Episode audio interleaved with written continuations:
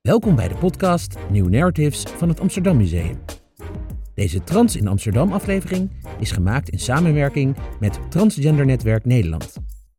De aanleiding is een fotopresentatie van 12 Amsterdamse transgenderorganisaties, die van 18 tot en met 20 november te zien is in het auditorium van het Amsterdam Museum. U gaat luisteren naar Jasmin de Vries, Carlo van der Linden, Isjet Hussein en Anne Stoof. De presentatie is in handen van Vanessa Vrona-Jem en Alex Kane.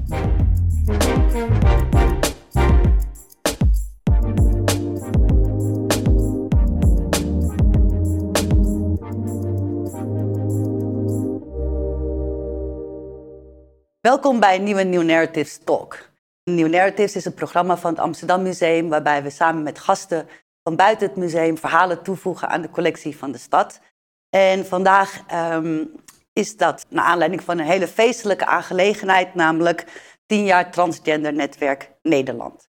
En ehm, om dat te vieren is er in het auditorium ook een um, fotopresentatie met foto's van Jasmine de Vries, uh, die straks uh, hier ook aan het woord is uh, in de studio.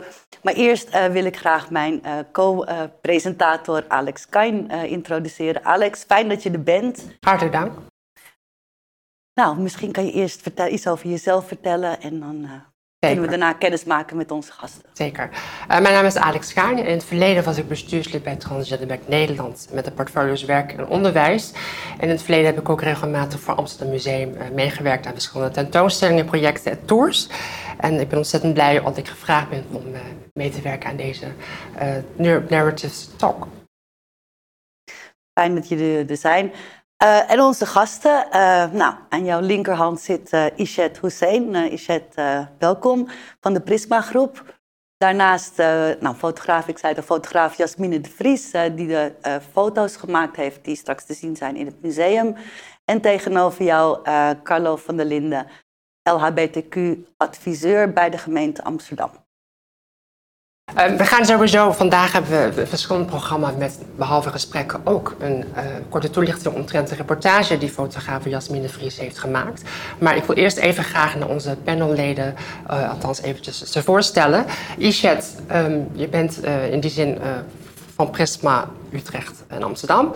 Kan je wat weer vertellen over Prisma en de projecten die jullie doen? Uh, Jazeker, wij van de Stichting Prisma Groep uh, doen eigenlijk vooral empowerment voor biculturele LHBTQI plus uh, personen.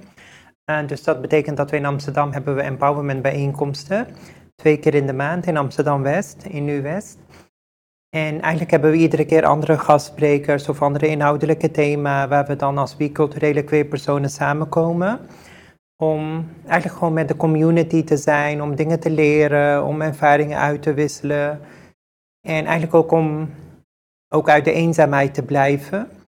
Uh, dus dat is onder andere wat we doen naast een buddyproject en, en veel meer andere dingen. Dankjewel, dankjewel. Jasmine de Vries, welkom. Um, kun je even kort vertellen omtrent je fotografie? Want je werk wordt door heel Nederland tentoongesteld. En sowieso ken ik jou van Trans Magazine, waarin je prachtige foto's maakt voor Trans Magazine, voor en door uh, transpersonen. Ja, nou, ik heb een, uh, als fotograaf maak ik geanceneerde foto's. Uh, kenmerkend, het is eigenlijk een soort film, uh, die, filmscène die je ziet, waarvan eigenlijk één uh, even stilgezet is en dat is de foto. En dat is iets wat ik heel vaak maak, een beetje filmisch-achtige foto's. Onze derde gast is Carlo van der Linden. Welkom. Um, Carlo, je bent ook wat dat betreft uh, binnen de gemeente Amsterdam werk je voor afdeling diversiteit. Maar je zet je ook in voor de community al, al een paar decennia lang. Ja, Vertel. Zeker. Vorige eeuw nog. ja, uh, nou ik ben Carlo van der Linden. Ik ben adviseur voor de LHBTIQ plus uh, gemeenschap. Maar ik ben ook projectleider programma Transgender Personen. En dat is eigenlijk gestart in 2016 toen uh, de gemeente Amsterdam de intentieverklaring van TNN heeft ondertekend. Namelijk de verklaring van Dordrecht. En waar een aantal aandachtspunten in staan om een transgendervriendelijke organisatie te zijn. En uh, dat zijn we aan het uitwerken. En ik ben daarvoor gevraagd als transgender persoon. Niet als activist, dus ik ben inmiddels ambtenaar, maar uh, om dat uh, verder vorm te geven. Van activist naar ambtenaar, daar gaan we het zo over hebben. Uh, voor de kijkers thuis, Transgenderback Nederland bestaat nu bijna 12 jaar. Het is een organisatie die zich inzet voor transpersonen, maar ook de familie. omtrent know-how. Ze lobbyen ook bij ministeries omtrent regelgeving, ook op het gebied van werk en sociale acceptatie. Um, mijn eerste vraag aan jullie is, hoe is het om trans te zijn in Amsterdam vandaag de dag? Carla. Hoe is het nou, je bent wel een wandelend uh, subject, uh, zou ik maar zeggen. Um, ja, ik heb er persoonlijk iets minder last van dan de, de mensen waar, met wie ik werk. Zeker de transvrouwen van kleur. Die, worden wat, die zijn wat, soms wat zichtbaarder, maar worden sowieso wat vaker lastig gevallen. Um, ik moet daarnaast ook zeggen, ja, ik, ik ben in de gelukkige omstandigheid om bij de gemeente Amsterdam te werken die ook echt werk maakt om uh, je zeg maar welkom te voelen. Dus uh, daar heeft het hele college zich uh, voor uitgesproken. Er is ook een roze ambtenarennetwerk die ook de thee meeneemt in hun ja, activiteiten en in hun programmering. Dus in die zin voel ik me oké. Persoonlijk vind ik het wel wat eenzaam in de zin van als ik niet werk omdat heel veel dingen, ontmoetingen, ja, of online gaan en je zeg maar wel je de sociale contacten. Ja. Ik kan me voorstellen dat juist de sociale interactie je ook uh, energie geeft en kracht geeft. Ja. Dan um, kan je ook toetsen wat je doet, eh, of dat uh, goed is. En nu moet je toch via een schermpje mensen duiden, zou ik maar zeggen. Dat is uh, jammer. En is jij dezelfde vraag voor jou? hoe is het om vandaag de dag trans te zijn? Um, ja, dat is een hele goede, ingewikkelde, mooie, mooie vraag. Um, voor mij persoonlijk, omdat ik natuurlijk het privilege heb om uh, de directeur te zijn van Stichting Prisma Groep. En omdat ik zoveel mensen van de community ontmoet, um, is dat deels makkelijk. En maar ja, dat is voor mij persoonlijk. En ik ben ook sowieso geprivilegeerd omdat ik uh, hier ben geboren en getogen in Nederland. Dus ik zeg altijd, mijn Nederlands is beter dan dat van de gemiddelde Nederlander. Maar omdat ik natuurlijk werk met biculturele queerpersonen en dus ook uh, vluchtelingen, zie je dat dat in die zin heel ingewikkeld kan zijn. Ook het traject van, van het vuur en zo. Um, en daar heb ik persoonlijk ook nog steeds wel last van. Ik was er gisteren ook en ik zie dan eigenlijk de dokter letterlijk in haar haren grijpen, omdat ze ook niet zo goed, omdat eigenlijk transgenders gewoon nog steeds niet begrijpen. En ik vind dat dan in die zin ook heel fascinerend, want waar ik vandaan kom, tenminste mijn ouders, dus ik ook uit Pakistan, zijn transgenderrechten veel meer transgenders. En dus vooral transvrouwen zijn zo zichtbaar. En ik vind het fijn dat we in Nederland een inhaalslag aan het maken zijn. Ook een van mijn vriendinnen, Inaya, ook een Pakistaanse vluchteling. Zij zat ook in Hij is en Zij. Dus ik vind dat heel mooi om te zien dat we eindelijk nu in Nederland de laatste vijf jaar echt heel erg omhoog schieten met de transgenderrechten. Uh, dus voor mij persoonlijk en ik denk ook voor de doelgroepen waar ik mee werk, gaat het wel steeds beter. Maar natuurlijk is het heel, nog steeds ook vaak heel ingewikkeld op aansluitend op wat Carlo ook zegt. Ja, nee, en wat betreft zichtbaarheid is het de afgelopen jaren zeker heel veel uh, kwalitatief uh, in de media, de geschreven media, radio en radio. Je noemde net Hij en Zij, wat al een aantal seizoenen uh, transpersonen volgt van, in hun, in hun, ja, in hun ja, Transitie. transitie. Ja. En de transitie met ook daarbij nog de familie en de vrienden. Uh, maar omtrent uh, de zichtbaarheid, uh, als het gaat om vooroordelen, kan je wat vertellen over de vooroordelen waar de community vandaag de dag mee te kampen heeft? Um, ja, zeker. in die zin omdat mensen het ook vaak niet begrijpen. Bijvoorbeeld voor mij persoonlijk, ik heb nu een nieuwe tennisvriendin eigenlijk. En als ik dan met haar een gesprek heb, omdat zij een cisvrouw is, wel een biculturele cisvrouw, um, dan merk ik dat ik veel meer moeite moet doen om haar dingen uit te leggen. Terwijl als ik bijvoorbeeld met een biculturele queerpersonen praat over de dingen waar ik doorheen ga, ook bijvoorbeeld het gebruik van hormonen, wat aan de ene kant wel noodzakelijk is, maar tegelijk ook niet, zeg maar. Dus dat zijn relatief ingewikkelde dingen om soms aan mensen uit te leggen. En nu is die tennisvriendin gewoon heel erg welwillend en zij stuurt mij ook artikelen en zo. Um, dus dat merk je.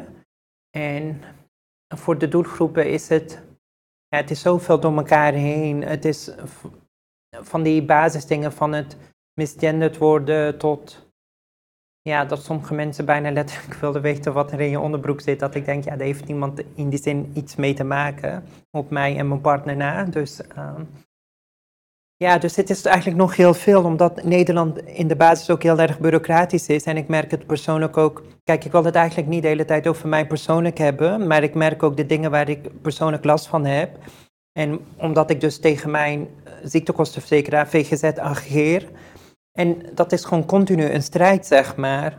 Dus, en zo blijf je aan de gang, want dan hebben mensen weer zoiets van, dus deze ziektekostenverzekeraar, van het systeem Ehm, er is iets mis met dat systeem, waardoor ik iedere keer mijn vergoeding met deels krijg.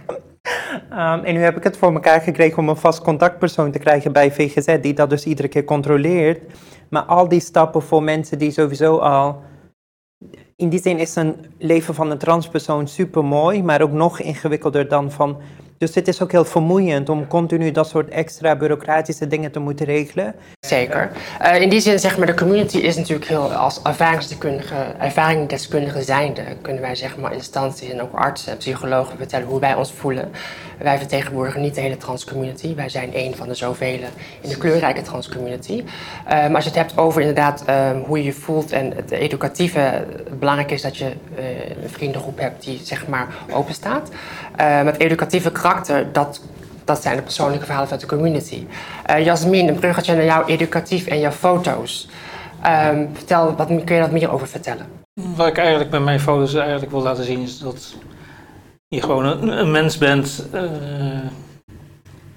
dat het eigenlijk niet uitmaakt hoe iemand eruit ziet, wat iemand doet. Uh, het is, je bent gewoon mens en je moet ook zo gewaardeerd worden. Dat je, ja, dat je niet. Uh, ik ben bijvoorbeeld pas geleden heb ik een uh, interview gehad en dan wordt er weer een term uitgeroepen zoals uh, was eerst man en is nu vrouw. En dan denk ik, ja, dat wil ik juist niet uitdragen. dus ik wil mijn foto's gewoon laten zien dat, dat gewoon iedereen normale personen zijn, niet uitzonderlijk anders is jij en ik of uh, ieder, iemand, iemand anders. Dus. Ja, dankjewel. Um, volgende vraag is, wat zijn de volgende stappen die moeten worden gezet om de samenleving bewuster te maken? Uh, in die zin, uh, Carlo van de gemeente Amsterdam is een van de eerste gemeentes in Nederland die ook inclusief is naar de community, maar ook transitieverlof heeft aangenomen. Kan je daar wat meer over vertellen? Um, poeh, transitieverlof. Nou, um, Onder andere. Kijk, ja, het, maar het begint vooral met bewustwording. Um, wat ik gewoon merkte dat veel van mijn collega's seksuele diversiteit en genderdiversiteit door elkaar gebruikten. Dus uh, die alfabetsoep die ontrafel ik steeds met ze. En daar gebruik ik uh, zeg maar van de transcripteers het genderbread koekje voor. En dan zeg ik ook als start, we zijn allemaal koekjes. En uh, waar voel je toe aangetrokken? Uh, nou, daar zit uh, diversiteit in. Maar dat is homoseksueel, seksueel, lesbisch, biseksueel, heteroseksueel. En hoe je genderidentiteit vormgeeft, je genderexpressie, valt ook weer over de, de verschillende groepen heen. Dus, dan, ja, dus dat onderscheid. En voor de intersex personen maak ik ook altijd even een, een zijstapje. Dat de vanzelfsprekendheden die uh, mensen aannemen op het moment dat je door de deur loopt of aan een vergadertafel zit. Ja, dat je dat doorbreekt. Um, als activist was ik bezig om de hokjes te slopen tussen mannen en vrouwen. Uh, zo van, ja, waarom? Hè? We zijn allemaal wel mensen, maar we verschillen ook. En we geven wel op een bepaalde manier uiting aan wie we zijn. En, uh, nou ja, dus dat is een beetje wat ik doe. Um, mensen zijn ook vaak in de war. Dus, ja, ik ben zelf transgender, dus ik heb niet gekozen als transman, uh, maar transgender. Vroeger heette dat nog tussenmensen toen ik uh, bij de vuur liep. Want daar hadden ze nog geen woord voor. Um, dus ja, je bent continu wel bezig om uit de kast te komen, want dan zijn ze toch bezig van, ben je nou een stoere pot? Of, hè, want dat is dan het labeltje wat ik af en toe op krijg. En uh, dan moet je dat weer uh, toch uitleggen.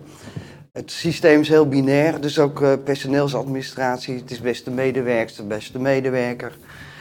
Als je aangeschreven wordt, mevrouw, meneer. Dus ik ben vooral ook bezig geweest met, met personeelszaken, die daar gelukkig ook voor stond. Um, want als je transitieverlof in wil voeren, moet je ook iets doen aan de aanspreektitels. Want anders heb je er nog niks aan. Dan is het een, een exotisch uh, verlof, om even zo te zeggen. Even inhakend op transitieverlof voor de personen thuis. Uh, het is enigszins vergelijkbaar met uh, vrouwen krijgen vaak zwangerschapsverlof. Transpersonen hebben de keuze om uh, zeg maar fysiek operaties te laten uitvoeren. Daar hoort een herstelperiode bij. in dit geval wil zeggen dat het transitieverlof hun garandeert van het behoud van de baan en ook doorbetaald krijgen. Dat is dan. Dat zeker. En, en dat ze niet last hebben van verzuimregistratie. En um, um, zeg maar, de transitie vind ik geen keuze voor transgender personen. Daar ga je doorheen om jezelf te worden. Uh, wat we hebben kunnen regelen, want juridisch is het nog niet helemaal rond. Dat op het moment dat je zeg maar, het medische transities of de operatieve deel wil doen, valt dat onder arbeidsongeschikt, want je kan op dat moment niet werken. Je bent, gaat onder het mes je, je wonden moeten genezen. Maar wat de, uh, zeg maar de andere transitiezaken, zoals diagnostiek, hormoonbehandeling, het, controles naar de endocrinoloog, dat wordt allemaal, zeg maar, dat valt onder dat uh, verlof. En we proberen dat zo uh, veilig mogelijk te doen, dus dat je het ook niet tegen iedereen hoeft te zeggen van ik zit in transitieverlof. Maar je kan gewoon die afspraken maken en daar hebben we wat regels voor opgesteld. Zodat er wel een inschatting is en dat je zelf weet waar je aan toe bent. Laatste vraag voor jullie drieën. Als het gaat om zeg maar, um, op sociaal vlak of educatief vlak, hoe, hoe kunnen wij uh, uh, zeg maar, dat inclusiever maken voor de transcommunity? Ishet, wat is je mening? Um, weer aansluitend op wat Carlo zei, de voorlichtingen. Ik merk dat wij als Stichting Prisma Groep de laatste tijd relatief veel voorlichtingen doen. En we hebben er ook veel gepland.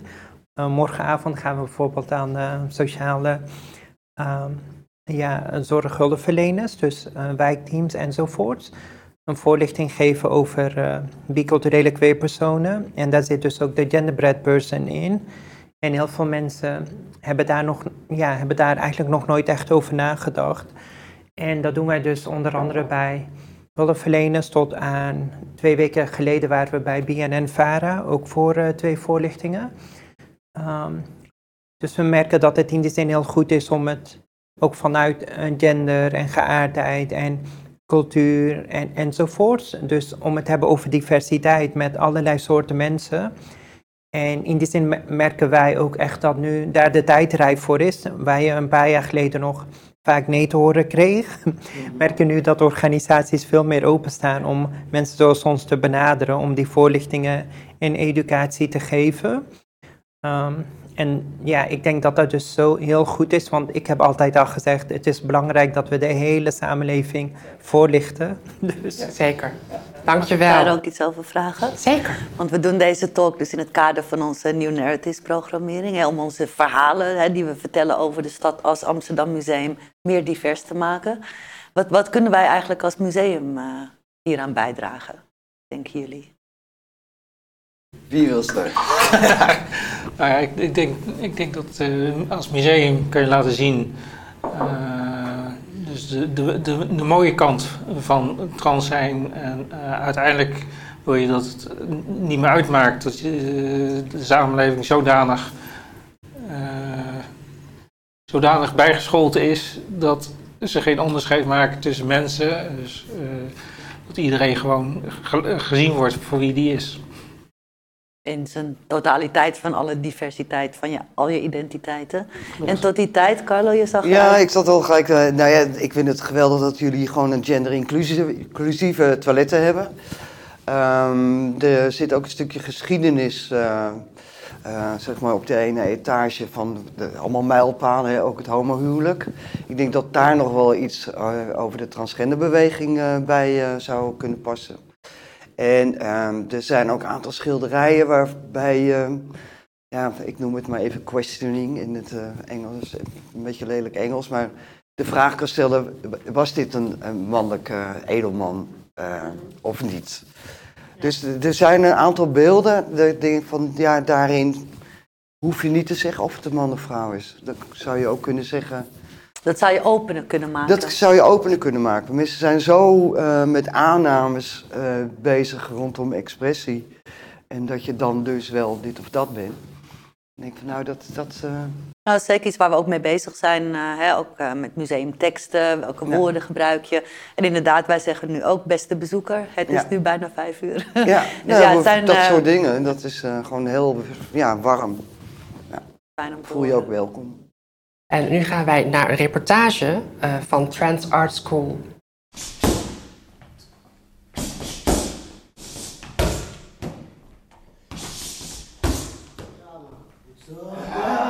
Ik begon met uh, in de Trans Art School in Trans Amsterdam.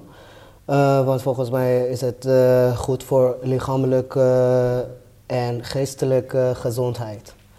Want uh, transpersoon, transgender personen hebben een moeilijke pad in hun leven. Volgens mij is het echt belangrijk en goed voor lichamelijke en geestelijke gezondheid. Als ik in een spiegel kijk, dan voel ik me beter met gespierd lichaam. voor mij persoonlijk vind ik het fijn om, nou ja, nu vooral vandaag gaan we met transpersonen boksen. dus is het fijn om met mensen te zijn die net zoals jij tot de community behoren. Dat je weet dat je in een veilige ruimte bent. vaak is het zo dat transgender personen het moeilijk hebben in een, in een gym of in een sportschool, omdat je ja, dan loop je tegen dingen aan zoals wc's, kleedkamers, waar je eventueel niet veilig kan voelen. Dus om inderdaad zo'n uh, initiatief te nemen als een boxworkshop, dat kan voor veel mensen al heel veel betekenen. Ik vind het heel erg fijn dat je inderdaad met mensen bent die, net zoals jij zelf bent, dat je met andere mensen uit de community eigenlijk iets samen aan het doen bent. Dat je iets wat veel betekenis voor jezelf heeft, dat je dat ook weer met anderen kan delen. Nou ja, vooral gezelligheid, daar draait het vooral. Heb je honger, toch? Ik heb, ja, hoorde je het? Een beetje honger. Ik kan ook eten. Ja, je kan ook eten. lekker, lekker eten altijd. Dat was de reportage van Trans Art School in Amsterdam-Oost. Nog één laatste vraag voordat we naar Spoken Word gaan van Anne.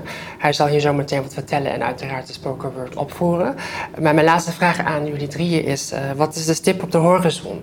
Uh, wat hopen we dat er gebeurt in de nabije toekomst? Stip op de horizon. Wow. Is er een stip op de horizon? Ja, ik denk een aantal initiatieven, net als de, de Trans Art School, uh, zeg maar rondom bewegen en lichaamsbeleving. Dat is altijd wel een ding uh, voor transgender personen. Zeker nu met die wachtlijsten bij de transgenderzorg. Dus dat baart me echt zorgen. Vanuit de gemeente ondersteunen we ook uh, het transgender zwemmen. Dat is in een doelgroepenbad. Dat is ook een hele veilige omgeving.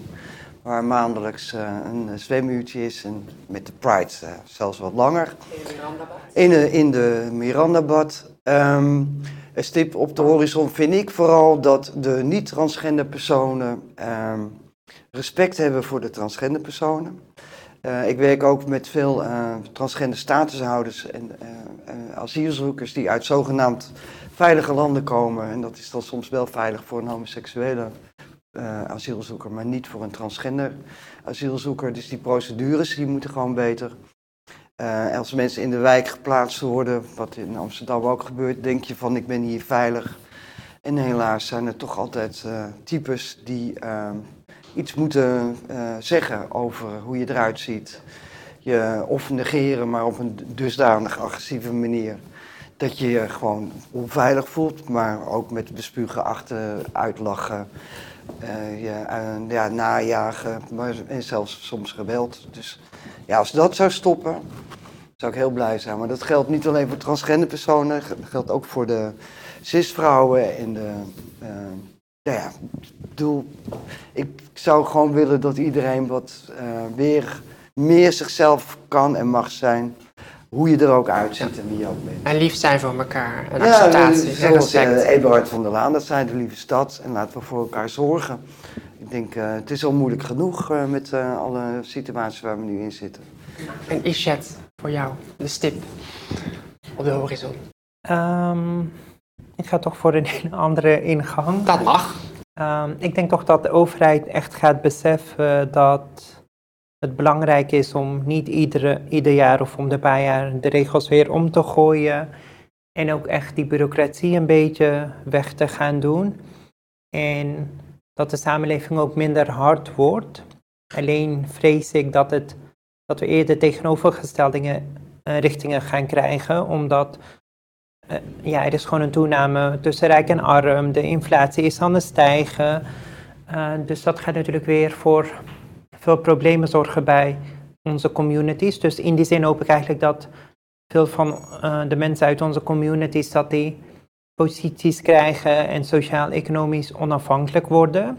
En dat ze van zichzelf kunnen houden en dat ze dan ook een partner of andere mensen vinden die ook van hun houden. Dat is een beetje mijn utopie. Ja.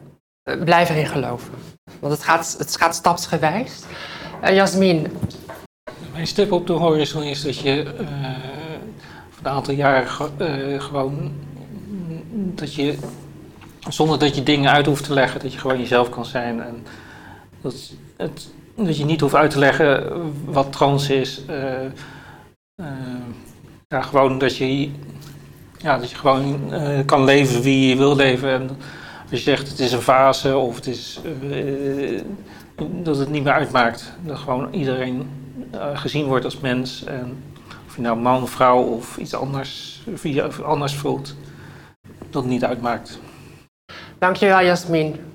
Uh, wat betreft mijn eigen tip, uh, ik zou het fijn vinden als er sowieso, er moet, wat betreft zichtbaarheid, eh, er moet veel meer betrokken worden vanuit de community, meer betrokkenheid, om te laten zien dat de kracht bij onszelf ligt.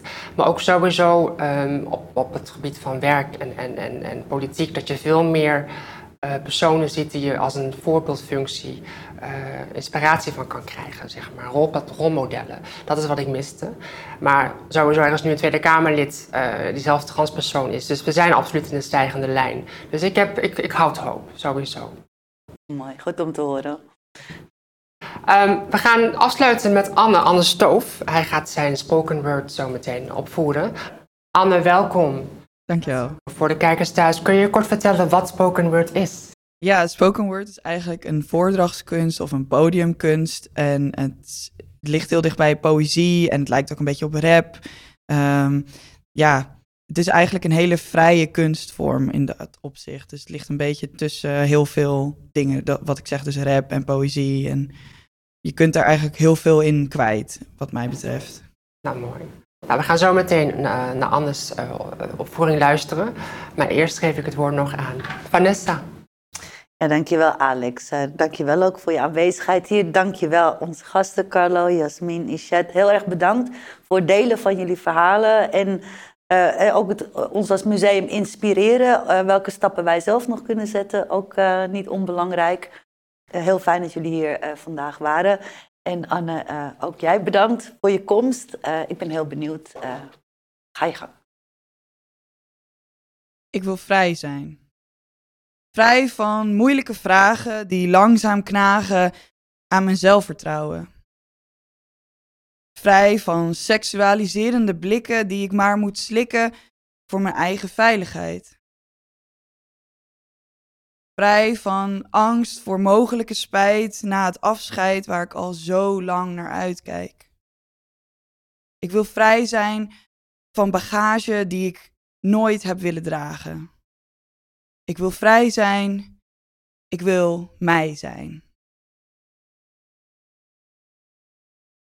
volgende gedicht heet Open ogen.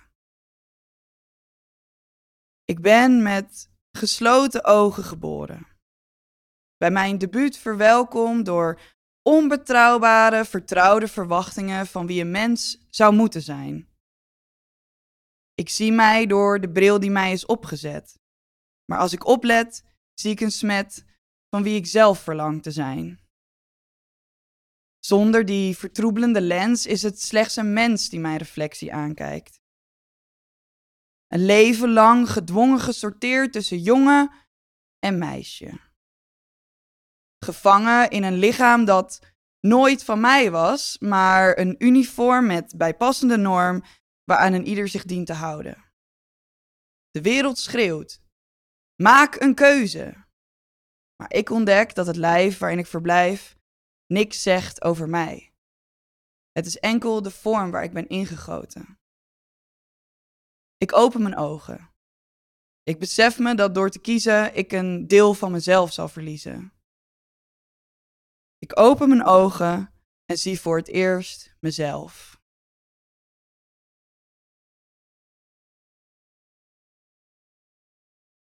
En dan mijn laatste gedicht, een nieuw begin. Mijn verdriet verdrinkt niet in wijn, dus word ik high om de laagte te vergeten. Eenmaal nuchter begint het verleden weer te vreten en blijkt het pillengeluk enkel schijn. Depressie blijft als je haar ontwijkt. Dus laat ik mijn ziel genadeloos uitknijpen in de hoop dat ik eindelijk zal begrijpen waarom ik zo graag dood wil. Levenslang in mijn lichaam als gevangenis, maar ik ren niet langer van mijn geschiedenis. Langzaamaan krijgt mijn bestaan weer zin. Ik leer dat de belangrijkste les van het leven is: je hoeft niet te sterven voor een nieuw begin. Dank jullie wel.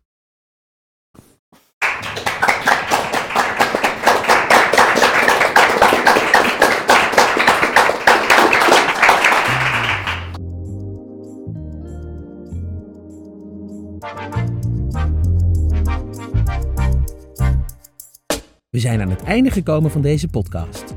Dank aan de gasten en aan u voor het luisteren. Wilt u reageren op de uitzending? Dan kan dat door te mailen naar podcastapenstaartje amsterdammuseum.nl. Tot de volgende keer.